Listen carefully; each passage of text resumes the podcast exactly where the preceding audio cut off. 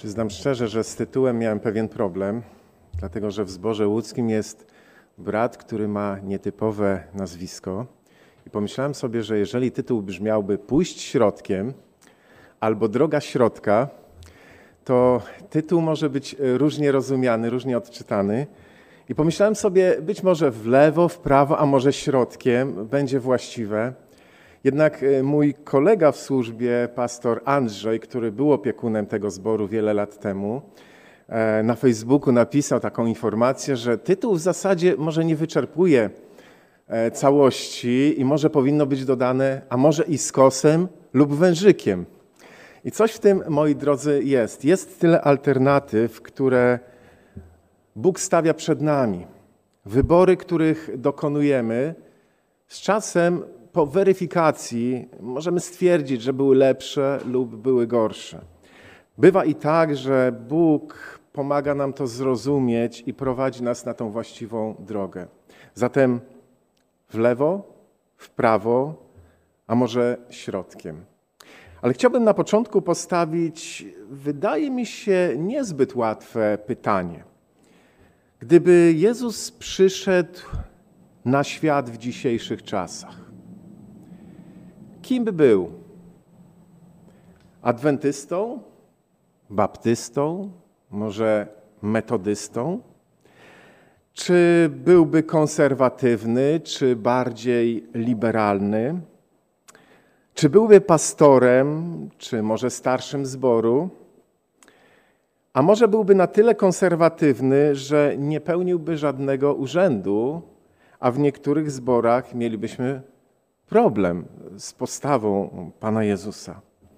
Gdy czytamy Ewangelię w jego postawie i reakcji na pewne sytuacje, nie chcę powiedzieć problemy, bardziej sytuacje, okoliczności, upatrujemy nastawienia, którym chcielibyśmy się kierować.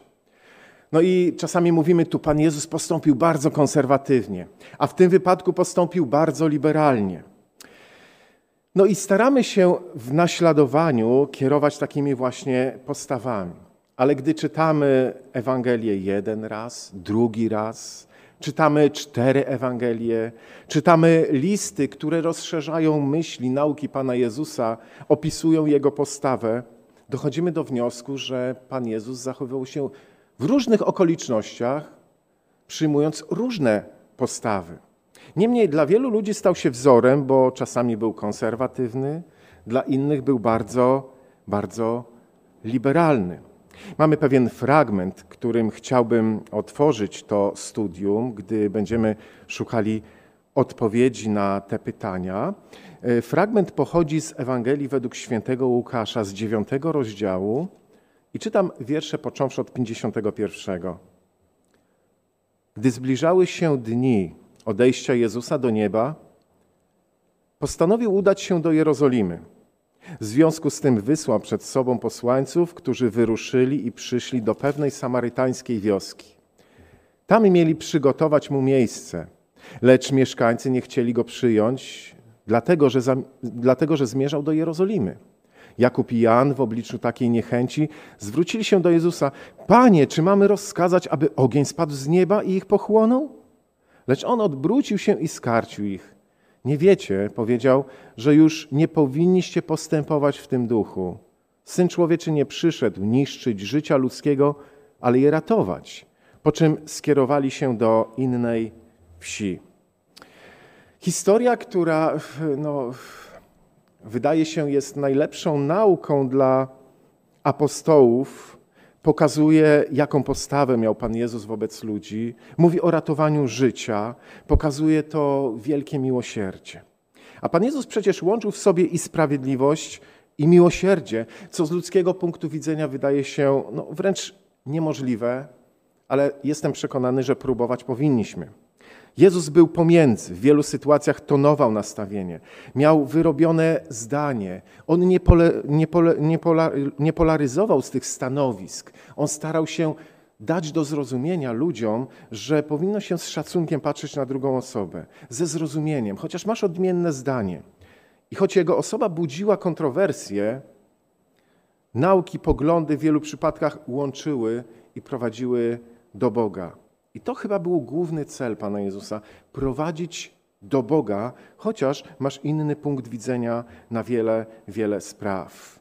Tutaj, gdybyśmy chcieli definiować liberalizm, konserwatyzm, takie mocniejsze nastawienie, słabsze nastawienie, przychodziłyby nam do głowy różne myśli. Znalazłem jedną z nich, którą wypowiedział pewien polityk, bardzo mi się spodobała, troszkę nawet rozśmieszyła, ale coś w tym jest. Posłuchajcie. Jak gdzieś jedzie czołg, a ludzie ostrzeżeni nie usuwają się, to ich prawo. Wolny człowiek w wolnym kraju ma prawo dać się rozjechać. Na tym polega liberalizm. Czy rzeczywiście, czy do końca, czy Pan Jezus tak do tego podchodził? Wydaje się, że czasami w naszej postawie podobnie myślimy, podobnie reagujemy, ale niekoniecznie mamy takie nastawienie w każdej sytuacji. Nawet pewne teksty, fragmenty Słowa Bożego rozważane przez nas y, inaczej interpretujemy. I to jest bardzo dobre. Ta różnorodność jest czymś fenomenalnym, czymś fantastycznym. Uzupełniamy się w ten sposób, mamy inny punkt widzenia na pewne, na pewne sprawy. Ale czasami bywa tak, że e, jakiś punkt widzenia, jakaś sytuacja może nas wręcz podzielić. No i zaczyna się takie napinanie muskułów. Staramy się pokazać, że na, nasze argumenty są jakby lepsze, bardziej wartościowe. Przypomina mi się historia, którą jakiś czas prze, przeczytałem. Miała miejsce w latach 50., a od lat 50. XX wieku do lat 80., szczególnie Stany Zjednoczone i Związek Radziecki właśnie prowadziły taki wyścig. Próbowały pokazać muskuły, napinały te muskuły. No i pewna historia miała miejsce 13 września 1959 roku, kiedy rakieta Łuka-2 dociera do Księżyca. Dwa dni później, bo 15 września 1959 roku, po wielkim sukcesie radzieckiej technologii kosmicznej, przywódca komunistycznego państwa Nikita Chruszczow ląduje w amerykańskiej bazie lotniczej w Andrews. Delegacja leciała samolotem Tu-114, wówczas największym samolotem na świecie. Samolot był nowy i w pierwszy rejs razem z Chruszczowem poleciał jeden z twórców tego cuda techniki w tamtym czasie, konstruktor Aleksiej Andrzejewicz Tupolew. Ani jedno lotnisko cywilne w Waszyngtonie nie było w stanie przyjąć tego sowieckiego giganta. Samolot musiał lądować na lotnisku wojskowym. Zastanawiano się, czy to było konieczne, aby ta niewielka delegacja leciała tak potężną konstrukcją, tak potężnym samolotem. Brat Grzegorz mówił o samolocie, ja też mówię troszkę o samolocie. Był to największy samolot, jaki zbudowano w tamtym czasie. Ale nie chodziło o to, ile potrzeba miejsca, ale chodziło o to, żeby zademonstrować potęgę, napiąć te muskuły, pokazać, kto tak naprawdę trzyma władzę w rękach. Władzę nad, nie tylko nad krajem, ale nad całym światem. Chruszczow gospodarzom wręczył miniaturowy model satelity, który dotarł do Księżyca.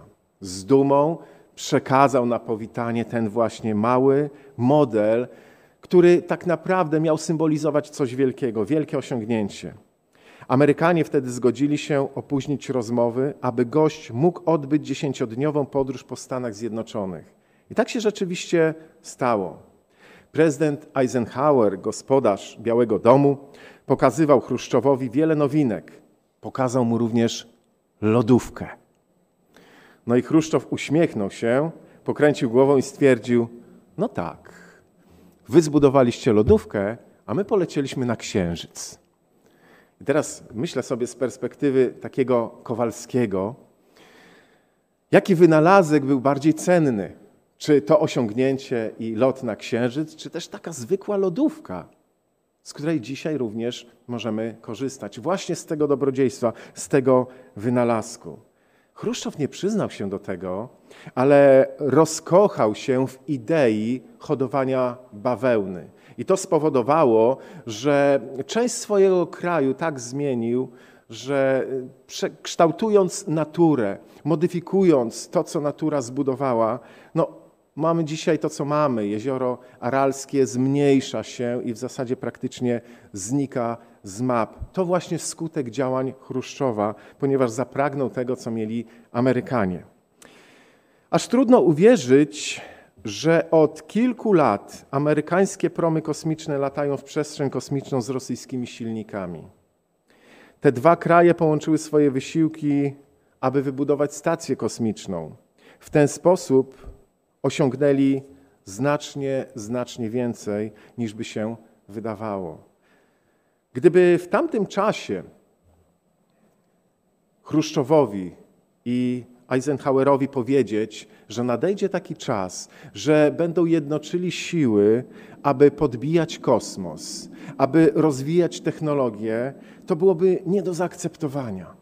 A jednak można dużo więcej osiągnąć, gdy łączymy wysiłki, bo przecież różnie patrzymy na wiele spraw. Bóg obdarzył nas różnymi darami, umiejętnościami. I jeśli takie wysiłki łączymy, one mogą przynieść więcej pożytku niż szkody.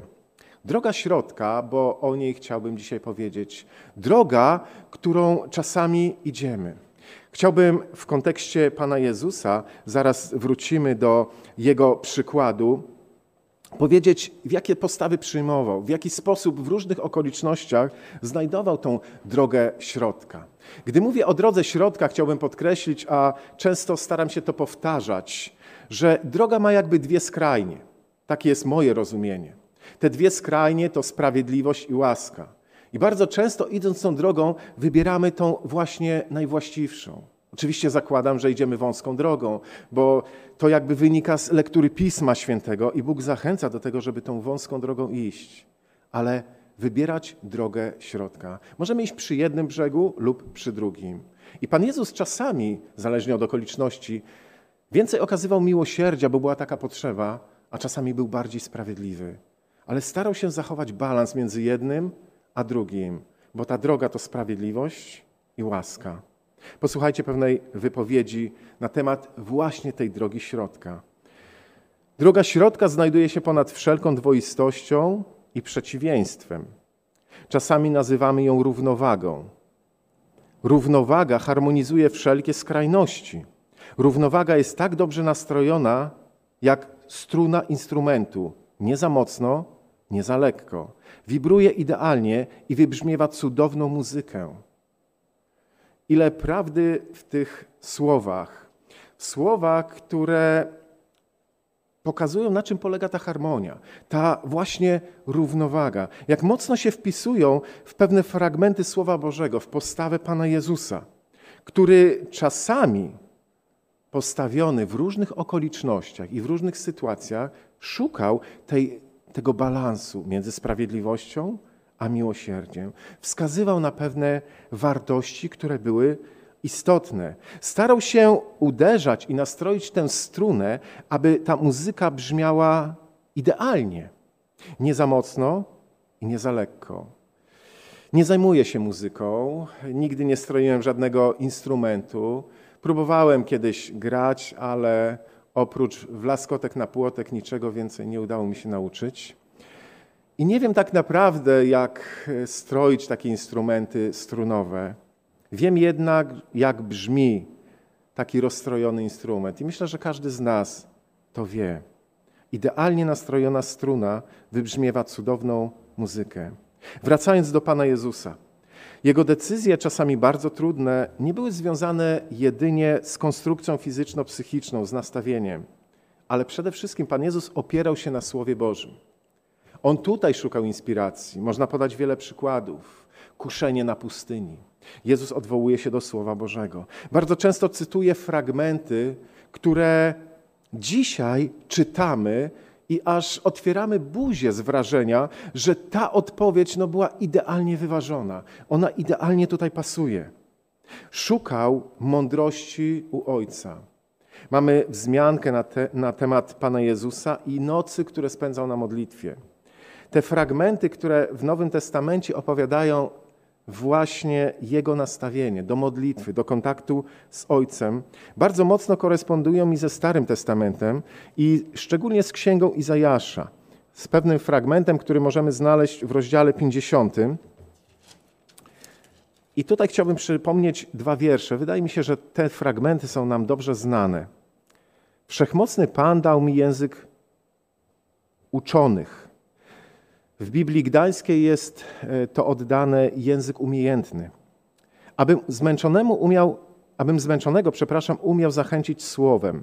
Każdego ranka budzi moje ucho, bym słuchał tak jak uczeni. Wszechmocny Pan otworzył mi ucho, a ja nie bałem się i nie sprzeciwiałem i nie cofnąłem się. Wszechmocny Pan dał mi język umiejętny, abym umiał spracowanemu doradzić. Chrystus szukał inspiracji u Ojca. Szukał w tych nocach, szukał takiego nastawienia, motywacji, szukał mądrości, szukał kontaktu, aby umiejętnie postępować, umiejętnie odpowiedzieć. W tym fragmencie z księgi Izajasza, oczywiście tu nie ma dosłownie powiedziane, że chodzi o Pana Jezusa, ale myślę, że to upatrujemy właśnie w kontekście Pana Jezusa. Myśl dotyczącą Jego postawy, nastawienia w czasie służby. Zastanawiam się, jak my traktujemy takie właśnie fragmenty Słowa Bożego. Podoba mi się w, tym, y, w tych dwóch wierszach to stwierdzenie, że ja się nie cofnąłem, nie broniłem się, jak mówią inne przekłady. Jakie jest moje nastawienie? Jezus był człowiekiem modlitwy, ale on z pewnością brał pod uwagę także sytuacje i okoliczności. Był Mesjaszem i człowiekiem i czuł chwilę, moment, znał ludzkie serca. I czytając słowa, chociażby z Ewangelii Świętego Jana, z trzeciego rozdziału, widzimy Pana Jezusa, który w rozmowie z Nikodemem mówi jak z nauczycielem, który dobrze zna słowo. W czwartym rozdziale rozmawia z Samarytanką, która nie znając wszystkich zagadnień biblijnych, widzi w nim Mesjasza i on wprost o tym mówi. Ale już w kolejnych rozdziałach Pan Jezus w rozmowie z Żydami stara się właściwie dobierać słowa, żeby nikogo nie urazić. I mówi: Czekacie na chleb z nieba. Bóg wam dał ten chleb z nieba, Ojciec wam dał ten chleb z nieba. Tam nie powiedział, że bezpośrednio, że jest Mesjaszem, mówi to w innych słowach. A więc Pan Jezus brał pod uwagę okoliczności i sytuacje. Każdy przypadek traktował indywidualnie. Nie można powiedzieć o takim schematycznym podejściu. No i kierował się sprawiedliwością i miłosierdziem. Skoro wywołałem Ewangelię według świętego Jana, chciałbym nawiązać do bardzo znanej historii zapisanej w ósmym rozdziale tejże Ewangelii. Nie będę całej tej historii przypominał. Do Jezusa przyprowadzono kobietę przyłapaną na cudzołóstwie. Skupmy się na wierszu piątym i szóstym. Mojżesz w prawie nakazał nam takie kamienować. A ty co mówisz? Pytali o to, by go wystawić na próbę, bo szukali podstawy do oskarżenia go. Jezus zaś schylił się i zaczął pisać palcem po ziemi. Jezus nam, przepraszam, Mojżesz nakazał nam takie kamienować w swoim prawie. A ty co mówisz? Jak ty zareagujesz? To jest prawo, to jest sprawiedliwe. Tak powinniśmy postąpić. Powinniśmy zejść troszkę bliżej tej lewej skrajni, bliżej sprawiedliwości. A Pan Jezus pisze palcem po ziemi i mówi, że droga, może nie dosłownie, ale to można wyczytać z tych słów, droga to dwie skrajnie. Bo jeśli jest tylko jedna, to w zasadzie przypomina to bardziej miedzę. W dziesiątym wierszu możemy przeczytać: Wtedy podniósł się i zapytał: Kobieto, gdzie oni są? Nikt cię nie potępił? Ktoś powie: Jak to nikt? Prawo jest prawo. No ale wcześniej Jezus wypowiedział znamienne słowa. Słowa, które tak często cytujemy, zapadają w uszach. Ten, kto jest bez grzechu, niech pierwszy rzuci kamieniem. Zależnie od sytuacji, zależnie od okoliczności. Można stwierdzić, że Pan Jezus przyjmował uwagi, co dla człowieka nie jest łatwe. Ja przyznam szczerze, że czasami mi jest trudno przyjąć jakieś uwagi, ale nie każdy odpowiada za siebie. Nie wiem, być może Wam jest łatwiej. Ale jeśli ktoś zwraca nam uwagę i mówi: Słuchaj, to mi się nie podoba, to jest niewłaściwe. Pan Jezus czasami przyjmował uwagi, czasami pytał ludzi, jakie mają zdanie na jego temat. No i tak zapytał apostołów: A co ludzie myślą o mnie? A co wy myślicie o mnie? Są pewne fragmenty w Słowie Bożym, które wskazują, że nawet Pan Bóg czasami zmieniał zdanie. Ale to za chwilę. W wielu sytuacjach Pan Jezus tonował, tonował sytuację, nie polaryzował. Nie rzucał jakichś tematów między ludzi, które powodowały, że to rozpoczynało kłótnie, konflikt. On starał się zachować tą równowagę.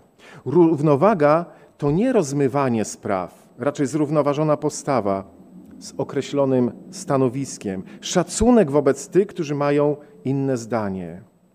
Chociaż Pan Jezus miał wyrobione zdanie na wiele zagadnień, on kształtował ludzi, a nie urabiał.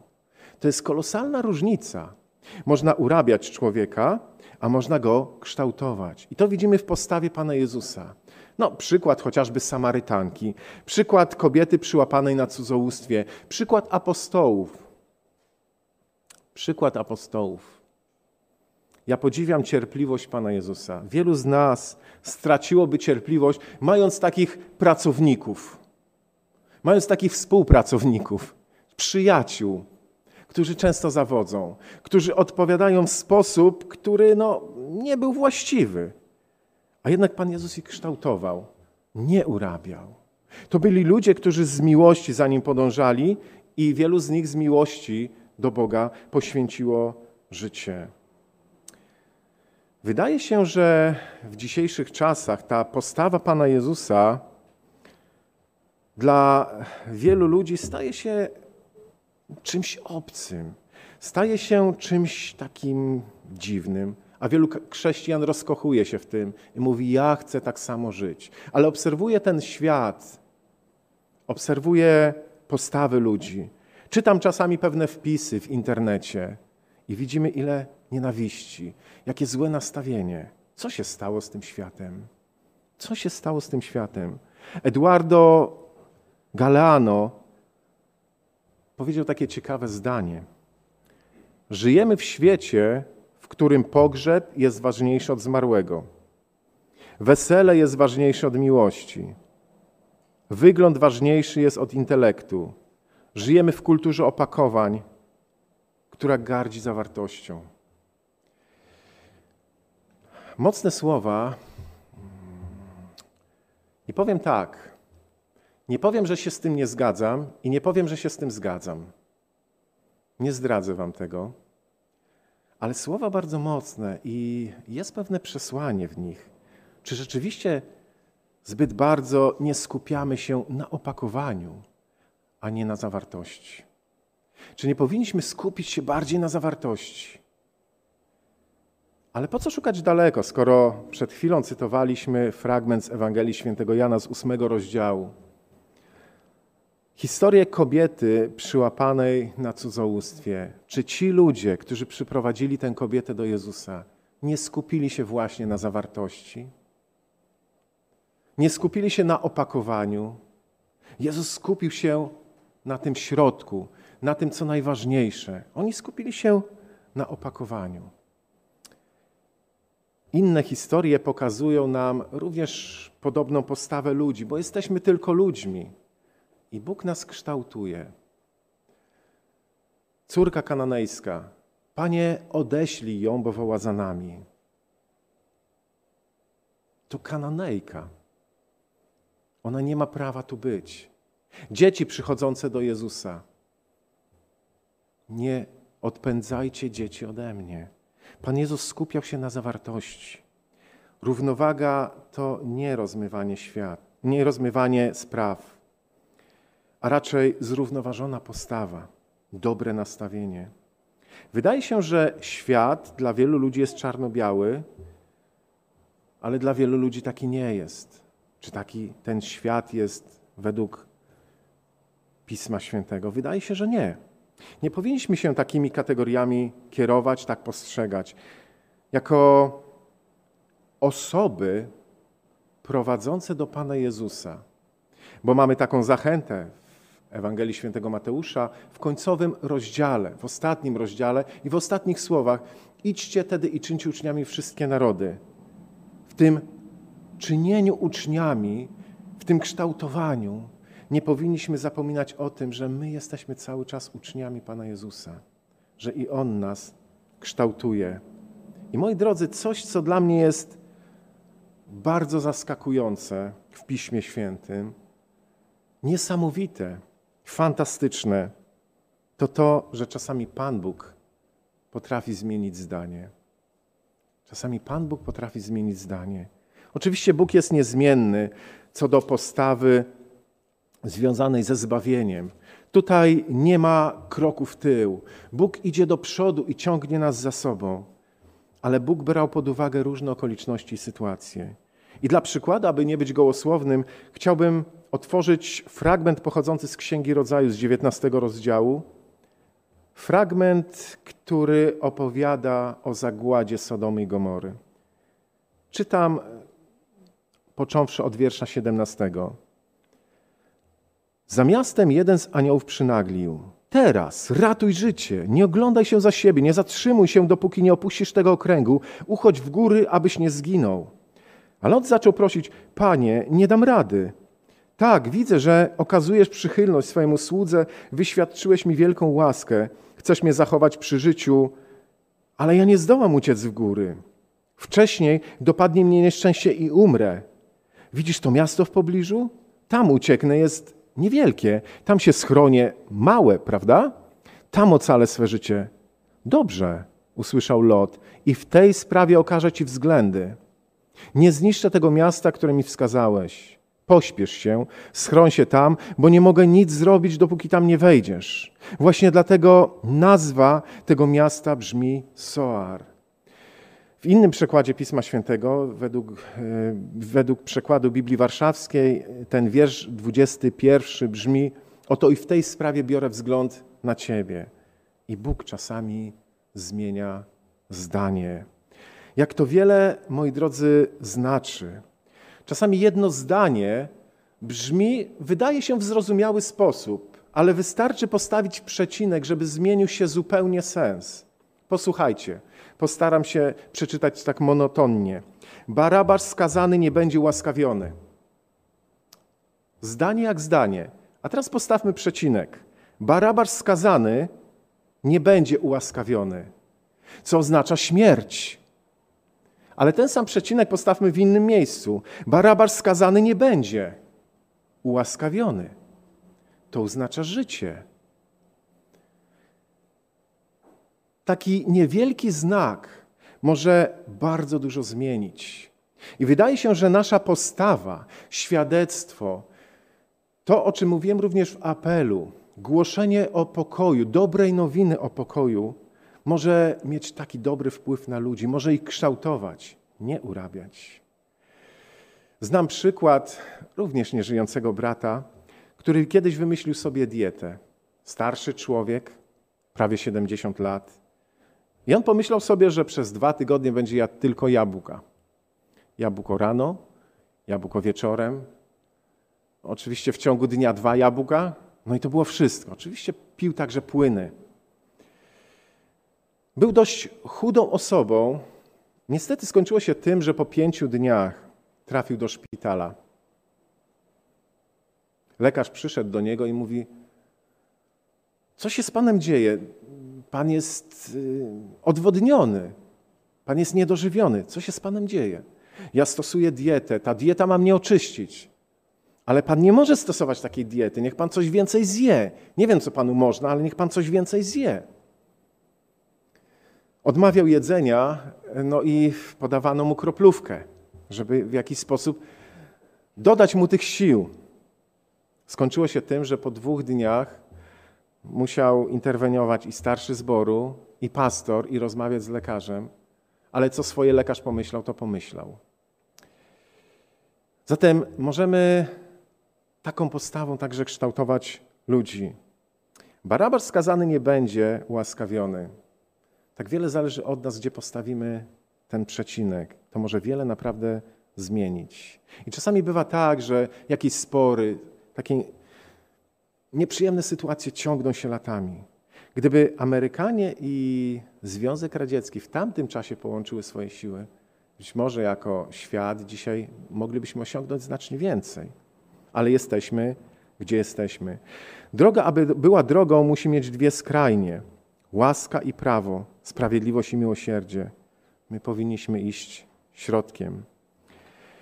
Jakiś czas temu przeczytałem, że.